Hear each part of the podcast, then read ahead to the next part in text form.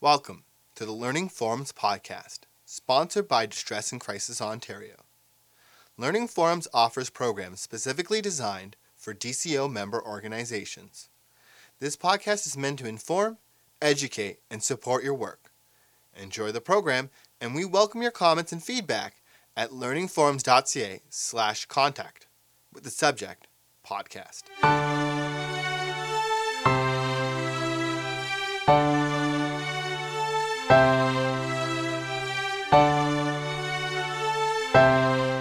Hello, and welcome to this presentation that is all about anxiety. Over the next 30 minutes or so, we're going to be looking at anxiety from a number of vantage points. First of all, we will consider what is anxiety all about, how prevalent is it, and what is its impact on those people who experience it. In the second section, we're going to step back from considering anxiety in particular to look at our emotions in general so that we can understand why human beings are vulnerable to developing mental health issues such as anxiety or perhaps depression. And in the third and final section, what we'll be doing is looking at things that people themselves can do in order to manage their anxiety effectively, and into what you as a call responder can do to help that caller manage their anxiety. So, anxiety can be defined as a state of apprehension, unease, restlessness, a feeling of being unsafe in one's own world. And what's happening at the basic brain level is that those systems that are responsible for vigilance and for preparing the body to respond to an emergency are overreacting. The recurring message they send to the person is danger, danger. Now, how many people in our society experience anxiety? How common are these problems? Well, the, depending on the study that you look at, anywhere from 1 in 20 to 1 in 5 people will experience diagnosable anxiety disorder in the course of their lifetime. In fact, anxiety is the most commonly diagnosed mental health condition throughout the lifespan. One in four people will experience significant anxiety at some point in their lives, even if it doesn't reach clinical levels. It can still have a tremendous effect on a person's quality of life. Anxiety does tend to run in families, and is associated with a high rate of comorbidity. That is, it's when it rains, it pours. Uh, for people with anxiety, that might not be the only thing that they're dealing with. They may also have to deal with depression, or drug and alcohol abuse, or borderline personality disorder. It tends to cluster with other mental health issues. What is the difference between normal fear and clinical anxiety? Well, the differences have to do really with the duration that the emotion lasts, the intensity of that emotion, and the impact of that emotion on the person's life. And let's consider some of those differences now. Whereas with a healthy sense of fear, there's an actual danger that you're responding to. Maybe you've stepped off a curb and a truck has uh, blared its horn. With unhealthy fear, there is no real danger, or the danger is greatly exaggerated. Healthy fear usually doesn't last long and disappears when the danger is past. So again, to imagine that situation where we step off a curb, we hadn't noticed a car coming, we hear the horn honk. Once we're safe again, we can go about our business. Whereas anxiety, when it becomes a clinical condition, can go on indefinitely and may in fact become almost a way of life. Healthy fear stimulates you to take action. Again, you hear that car horn blare and you step back it keeps you safe. It works to adapt you to whatever situation you're responding to out there. Whereas unhealthy fear doesn't make you act, it can typically cause you to avoid what you fear and maybe paralyze you into inactivity. The thoughts that cause healthy fear are usually quite valid. There is something that is dangerous to me there. Whereas the thoughts that lead to unhealthy fear are nearly always distorted and inaccurate. Finally, whereas you may be ashamed of yourself if you're experiencing clinical anxiety and feel like a weirdo or an outcast, thinking your anxiety is something shameful. With regular healthy fear, none of those shameful emotions are part of that. So, what is the profile of anxiety? How does it show up in a person's life? Well, just like a mental health disorder doesn't just affect a person's mind, it affects the entire person. So too, a mood disorder doesn't just affect a person's mood, it affects everything. And so while we'll see that moods are affected by anxiety disorder, for example, a person may have a sense of nervousness, they may be irritable, they may be continually anxious, have a sense of being unsafe, they may be panicky. They're going to be experiencing other symptoms as well. For example, physical reactions. And we can think of the physical reactions that are associated with us when we're feeling some sense of fear sweaty palms, muscle tension, racing heart, flushed cheeks, lightheadedness. Behaviors. So, with anxiety, we can imagine the person who is experiencing it is trying to avoid any situation in which anxiety might occur and leaving situations when anxiety begins to occur.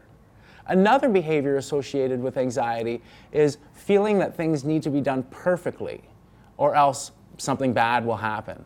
So the person is always on their toes, feeling like they need to do everything wonderfully well. And maybe at the heart of anxiety is the thoughts that are associated with it. These thoughts can fuel anxiety and keep it going, even in the absence of anything to be afraid of. So, what are these thoughts? Well, there's three in particular that are very important in the life of people with anxiety. The first is an overestimation of how dangerous things truly are. The second is an underestimation of how the person has the ability to cope. And the third is an underestimation of the help that's available to the person. So if we're chronically saying things are more dangerous than they are, I have very limited ability to cope with those dangers, and there's no one else that can help me with those, we can imagine we're going to start to feel anxiety on a pretty regular basis. Now, I've mentioned some of the things that are associated with anxiety in terms of physical reactions, thoughts, behaviors, and moods. And there's a useful tool that call responders can use with callers uh, in order to assess their level of anxiety and whether they meet a clinical threshold. And that tool is called the Burns Anxiety Inventory. It's very simple. It's a one page screener that asks about two dozen questions about a person's thoughts, about their activities, their moods, their confidence, all kinds of things. And on the basis of that, the person responds, and you're able to work out a score. And a score of over 20 on that inventory indicates that a person should see their doctor about their problem. But this can help people get a handle on, you know, how bad is my anxiety? To what extent is it interfering in, with my life? And it might even prompt them to take helpful action, such as seeking out health support or support from a community mental health center. So I'd like to step back now in the second part of our presentation from thinking about anxiety in particular to thinking about our emotions in general to figure out why is it that human beings seem so susceptible to these illnesses, depression and anxiety, which you might have seen in the news are rising in terms of their prevalence. When we think about emotions, why do we have emotions in the first place? Well, I'm going to focus on two of the purposes they serve this morning. One purpose they serve is to motivate us. So we thought about how we're motivated to step back from a curb in a dangerous situation, but it's more than that too. Think about how emotions play a role in motivating even the simplest decisions that you make, such as what movie to see or what item to choose from a menu when now these restaurants have pages and pages of menus to flip through. People who have lost the ability to experience emotion uh, tend to not be able to make any decisions at all because in all of our decisions, emotion plays an important role. Another function of emotions is communication. Emotions can communicate to us valuable information. For, in this way, we can think of emotions almost like a newspaper with headlines that are for our benefit. And we might get a headline that says something like, Extra, extra. Walking down a dark street alone makes you afraid. Choose an alternate route or travel with a friend. Would that be a good, healthy message to get? That could keep you safe, couldn't it? Now that you know my emotion of fear starts to creep up when I'm experiencing walking down a dark street. So the next time, in order not to experience this fear, I'm going to go with somebody or I'm going to choose another route. But sometimes those messages go haywire as well. They may say, extra, extra. Going to work makes you anxious. Bad things could happen best to stay at home and not answer the door or the telephone. Now, is that a message that you would want to receive? No. That's not going to be adaptive. It's not going to help you deal with circumstances like that first one in the case of a dark street. Eh, that's going to be maladaptive. It's going to keep you farther away from doing the things you want to do in life and from reaching your goals. So, why is it that our brain can go haywire in this way and start to send us messages that are maladaptive? Our brains are trying to help us stay vigilant, recognizing there could be dangers out there. But in fact, they go overboard and make us see the whole world as a frightening space if we are experiencing an anxiety disorder. Well, this has to do with where emotions come from. And our emotions developed not under our modern circumstances of things like approaching deadlines or cars that cut us off in traffic, these kinds of things that make us anxious in our modern world, but rather life and death situations like saber-toothed tigers and rattlesnakes and hostile tribes. That's the circumstances under which our emotions first developed. And when you think about those circumstances, very dangerous circumstances for our early ancestors, what was more important to them? Things that were positive and encourage positive emotions, such as, let's say, an opportunity to mate or uh, food being available, or things that could kill you, like a rattlesnake that you happen to miss, or a saber toothed tiger that's there. What was more important to the brain? Well, the brain particularly keyed in on those things that are truly dangerous. Because you think about it, uh, if you miss a mating opportunity, well, there's always other cave girls in the sea, right? And uh, you miss a meal, well, there might be a meal coming around the next day. But you miss a rattlesnake just one time, and there's no more anything for you, right? You're gone. So wouldn't it be great if our ancestors back on those savannas in the early days of human beings were kind of cool, calm, collected Jimmy Buffett types? And you know, they would look at the saber-toothed tiger and say, "Man, I always wanted to see one of those." Bob, come over. You got to see this. Uh, unfortunately, what happened to the Jimmy Buffett type? He got eaten. And so we inherited the susceptibility to be especially vigilant around dangers to the point where our brain can go haywire and spot danger where no danger exists. In other words, we have a negativity bias in our brains, and I'll give you a few examples of this. Have you ever noticed that your brain is like Velcro for painful experiences and Teflon for positive ones? I bet you I could ask you to remember an experience from decades ago, and you could probably remember something painful that happened all these many years later. Whereas the good things in our life seem to come and go without really sticking to us at all, which is totally unfair because it can shade our sense of our lives in kind of increasingly negative directions, despite the fact that most of our experiences are either neutral or positive. Like I said before, with the, that ancestor's brain, is he more concerned about the dangers that are out there or the positive things? We've inherited that brain. Our brain says, oh, that's nice but I'm really concerned about what might hurt you out there. Your brain's default network, that is, the part of your brain that lights up when you're not doing anything in particular, continuously scans your body and your environment for threats. And this is why human beings are no good at all at sitting in a chair doing nothing for 10 minutes at a time. If you were to do that, just to sit in a chair doing nothing in particular for 10 minutes at a time, what do you think would happen? You would probably start to get restless which is just a way of labeling anxiety. And your brain would probably start helping you out by reminding you of all those things that might be a danger in your life. Maybe an upcoming deadline at work, or maybe a conflict with the person that you're in relationship with, or maybe something in the past that was painful. So it reminds you of that, so you remember, don't repeat that again. So all of a sudden, start to move our brains in a, in a negative direction, which is why we're so good at distracting ourselves. And you can almost think of our whole civilization as basically ways people have distracted themselves over the years. You know, our old ancestors might have said, "I'm not going to sit in this chair for 10 minutes. Hey, let's go build a house or something. You know, let's have something to do." The brain detects negative information faster than positive information. If two people are walking towards me and one has a smile on their face and the other has a frown on their face, whose expression am I noticing first? The person who's frowning, right? because they could be dangerous to me, and I want to notice that right away. And finally, negative events have more impact than positive ones in our life. One example of this is we all have a basic threshold of happiness that we return to despite the ups and downs we experience on a daily basis. Now, who do you think returns quicker to the baseline of happiness? People who have won lotteries, that is, had something tremendously happy happen to them, or people who have been in serious accidents, that is, had a kind of catastrophe happen?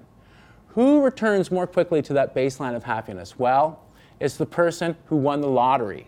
And we'll see if you look at studies of people who have won the lotteries, most of them will say 10 years later, 20 years down the line, they're about as happy as they were before they won the lottery, regardless of how much they won. Whereas that accident victim may take a much longer time to return to the baseline of happiness. One more example of this is with what researcher John Gottman calls the magic number, the five to one ratio in relationships. And this magic number suggests that we need to have five positive interactions for every one negative interaction in order to experience a relationship not as good, but as just breaking even. And so, again, this is unfair because if our brain was tilted on a level uh, like this, we could have one good interaction, one bad interaction, one good interaction, one bad interaction, and we'd, we'd have a sense that it was all right. But no, we have to have five to balance out just one negative interaction. And as if this weren't all, we all have this simulator in our brain that runs mini movies continuously, which sounds pretty cool until you consider what the content of those mini movies is. And so often, it's going to be running into the past, focusing on resentments or regrets, or forecasting into the future, thinking about worries and threats. So we don't even have to have something right in front of us that's a danger in order to feel danger. Our mind can do that all for us. And this is the habit of mind that a person with anxiety gets into, where their own mind will generate fearful thoughts that paralyze them and seriously sap their quality of life. So now let's move to our third section where we think about what can we do about anxiety and how can call responders help an individual I've already mentioned one way that you can do this, which I think is a terrific thing to do with a person, which is to complete the Burns Anxiety Inventory. Very simple tool. And you can download it. So Google that, and you'll be able to get a copy of it. And you can print off a copy and have it by your desk. There's also a Burns Depression Inventory that you can use with callers who are presenting with symptoms suggestive of depression. When you think about our emotions, usually we think of them in terms of feelings. And how successful are we when we try to counteract a feeling head on? That is, we feel angry and we say, I want to get rid of this anger. I want to get rid of the feeling. What are some of the things that people do to do that? And are those methods usually effective? Well, a couple of things I can think a person might do to get rid of anger are to drink, that might get rid of the anger, or to vent the anger by blowing up at someone else thus harming a relationship, not very effective. So if we want to change emotions, we have to go in through the side door. And the good thing is there are three side doors we can go in through, which I'm about to explain. First of all, our emotions are not just feelings, they're also associated with thoughts. So, what's the thought of happiness? Something like, everything's a okay. And what's the thought of sadness? Something like, I've just lost something valuable to me. So our thoughts can be adaptive or maladaptive. That is, they can help us handle situations effectively, or they can keep us away from our goals, make life more difficult for us. We can think of maladaptive thoughts. Well, I mentioned one before in terms of emotion news. Going to work makes me nervous. I better call in sick to deal with that. That would be a maladaptive thought to have. So the person can challenge those thoughts. That would be the first way that a person can get a handle on their emotions and have their emotion reduced. They might challenge that thought by just seeing if it's accurate or not and thinking of contrary points of view. So they might consider the consequences of phoning in sick, considering that they're going to have more work on their plate the following day. They might remind themselves of the strengths that they have, because remember, they have a tendency to underestimate their own ability to cope. So they have maybe a strengths index on a card that you can develop with them over the phone. So they're, they're reminded in the moment of why they can handle the things that they need to handle. Those kinds of things. Another thought to challenge is the idea that things are dangerous. There's a whole book series that was built on the idea that things are not as dangerous as we tell ourselves. Tremendously successful, called Don't Sweat the Small Stuff. And does anyone know the subtitle of that book? And it's all small stuff. So we can get a perspective on things by challenging thoughts that tend to say to us, this is life or death. If I don't do well at this, that's an emergency. And a good way to challenge that thought is by asking yourself, what's the worst that could happen if you didn't do? And usually the worst is not as bad as we tell ourselves in our mind.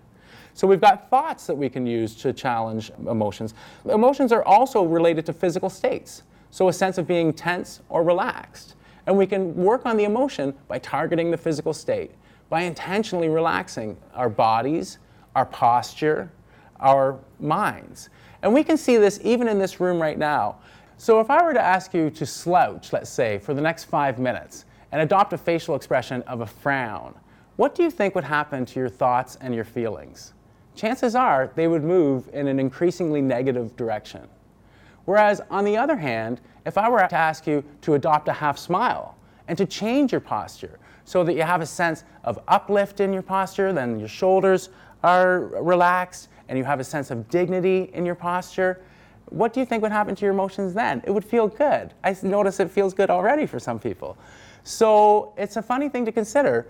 Does our, do our emotions cause us to act physically in certain ways, for example, to change our posture in a, in a negative direction?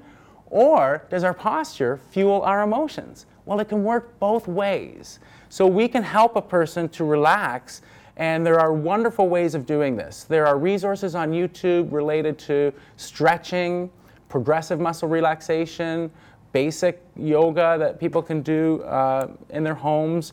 Uh, and we can learn about these and we can encourage people to practice them. Another thing is abdominal breathing. If we learn all about abdominal breathing, we'll be able to help a caller who's in a state of distress regulate their breathing so that their level of distress lowers. Many things we can do when we target the physical aspect of our emotions. Finally, all emotions have an action impulse associated with them. So if you think about the emotion of happiness, What's the action impulse with happiness? Keep doing whatever it is that made you happy in the first place. And actually, this might be one of the explanations behind things like addictions.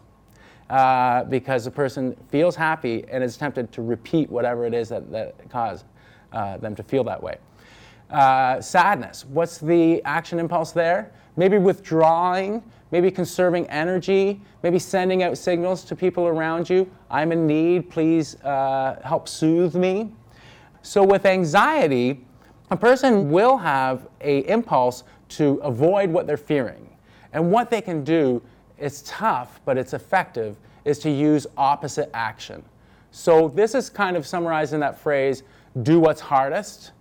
Because again, just like changing your posture can elevate your mood, so too, taking action, let's say, on a task you've been procrastinating, can change your mood about that task. I wonder if people have noticed this uh, in their own lives. The fear can go down as you're focusing in on healthy coping strategies.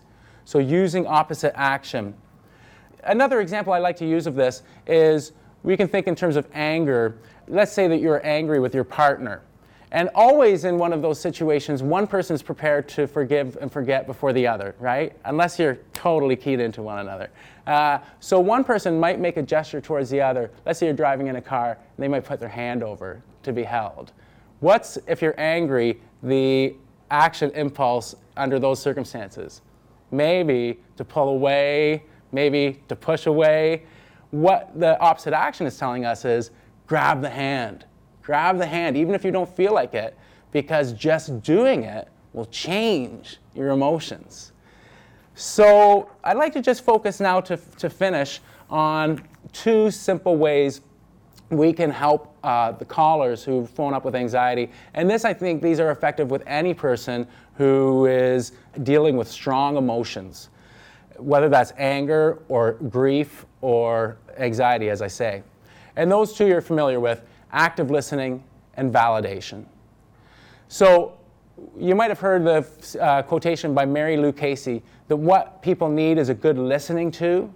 And I think that's probably one of the most effective roles we can play on a distress line is just to really listen to and to tune into another person's world. And we can think about the benefits of that in terms of having a sense of being cared for, having a sense that another person can understand my world, having a sense of being heard uh, and, accepted. Uh, so when I think about active listening, I think about three components. The first is verbally and non-verbally prompting the person to continue talking. So verbally, we're doing things like asking open-ended questions. We're doing things like saying, tell me more. We're saying, mm-hmm, mm-hmm. Non-verbally, it's interesting.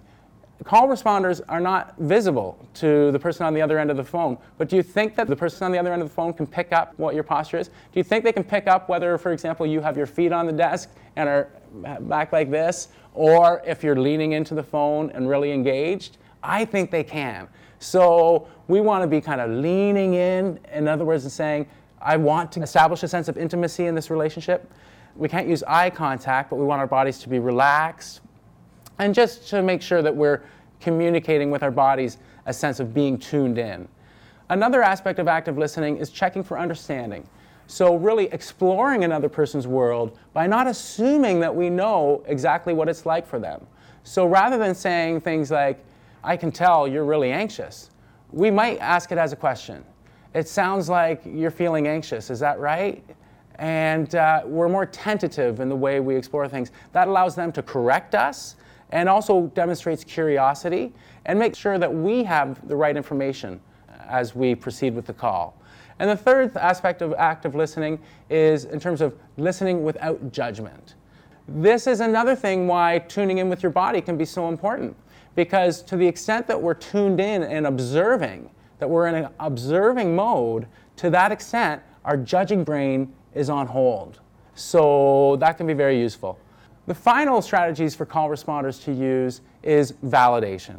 What is validation? Well, it's a complex topic. You could spend an entire session on it. But when I think about validation, I think of a few things. First of all, it's recognizing the emotion the other person is experiencing and acknowledging it. Just in the statement that we just made, such as, it sounds like you're feeling anxious. Is that right? The other part of uh, validating that is so important is normalizing. So to say to a person, hey, that's not weird or crazy, that's as a result of your own unique experiences, and it's something that is true for you. Uh, and saying if someone else were in your shoes, they would be feeling much the same way. And what effect can validating have on a person's emotions? Well, as we validate a person, emotional arousal decreases so that their thinking brain can start to get activated again. It's no longer swamped by the emotions, it's able to play its role in healthy problem solving or thinking, what will be my next step? Uh, so we've got a few tools there. The Burns Anxiety Inventory to help people determine where they are uh, on an anxiety scale. Using active listening and validation in order to foster a connection and help a person diffuse the edge off their emotions. And one thing I would recommend as well remember, whenever we're talking about mental disorders, we're always talking about health conditions. And so I would strongly encourage you to help a caller connect to a health resource of one kind or another. So when you think about health resources, one that I find very valuable uh, and I think exists in most communities across Ontario are community mental health centers. Uh, so if you can make a referral for the person to get, let's say, a case manager, or maybe they have a crisis response program, then that could be very useful. Another thing is, anxiety is a medical condition. And so it's important that the person speak to a expert, a, either a general practitioner or a psychiatrist about what's happening within their life. That doesn't mean that they're necessarily going to have meds pushed at them, a concern I think sometimes people have. It just means you're going to have an open and honest discussion about what's going on with a person who's in a position to say what might be the next best steps for you to get this under control. A third thing I would say you can do for people is help them take action in their own interest by looking at self help literature around anxiety. A great publisher of self help resources is New Harbinger Publications, which you can Google. And you can also look at books like The Mindful Way Through Anxiety. And the more people read and learn, the more they're empowering themselves to take positive action in response to this difficult condition. So that's our excursion through the world of anxiety. I wonder if there are any questions from the audience. Yes, Dustin. So, David, uh, do you have any suggestions of quick and effective techniques our call responders can use when they feel anxiety in their calls? When you're feeling anxiety, that's a great question. And I would say self talk and breathing strategies are probably your best. Not just breathing, but also in terms of your posture. You're probably noticing when you're feeling anxiety, you are getting tense. Uh, you're probably clenching your fists and getting your muscles all tense, probably crouching down in a way that's not an easy, relaxed lean, but is more kind of a uh, protective posture. So you, whenever you notice that, just intentionally do what you can do to relax. And one of the things you can do to relax is actually go into that tension even more. Uh, so, for example, if you notice that your hands are clenched, really make them fists because that will stretch them to their full extent so that when you let go, they'll relax to their full extent. Whereas normally we have kind of our muscles held in an in between point, and that's not where they like to be, you know. Uh, so they like to be fully relaxed or fully activated, and that's, that's a technique that's from progressive muscle relaxation. Another thing that you could do is just focus on your breathing. So make sure that your breathing is not shallow, but that you're getting good, deep, full breaths. The good thing about this breathing is no one can even notice that you're doing it. And yet, it will bring wonderful benefits. I was at a uh, symposium one time with a doctor who had years of experience, and he said if you can follow your breath for four straight breaths in a row, that is, to stick with it through the entire duration of the in breath, through the entire duration of holding the breath, through the entire duration of letting the breath out, just doing four of those will appreciably reduce your level of anxiety. And the last is self talk. So let's remember our job is not to solve all of our callers' problems. And uh, we don't want to set ourselves impossible tasks. What is our role? Our role is really to establish a human connection so that the person themselves has a chance to uh, vent some of the powerful emotions that are causing them to pick up the phone in the first place and maybe then as the emotions are vented to help them think through what some safe sensible next steps might be. And if we think about our role in that kind of limited way then we remind ourselves i'm not a superhero here or a magician. I'm a person who's able to communicate my presence to another person and in this moment that's the most valuable thing that can happen. You know? Uh, as you know that presence can stop people from acting on thoughts of suicide. So if it works in those most extreme situations, uh, it can be very helpful in situations less uh, dangerous than that. Yeah. So if there are no more questions, I thank you for your participation. It's been a pleasure speaking with you today.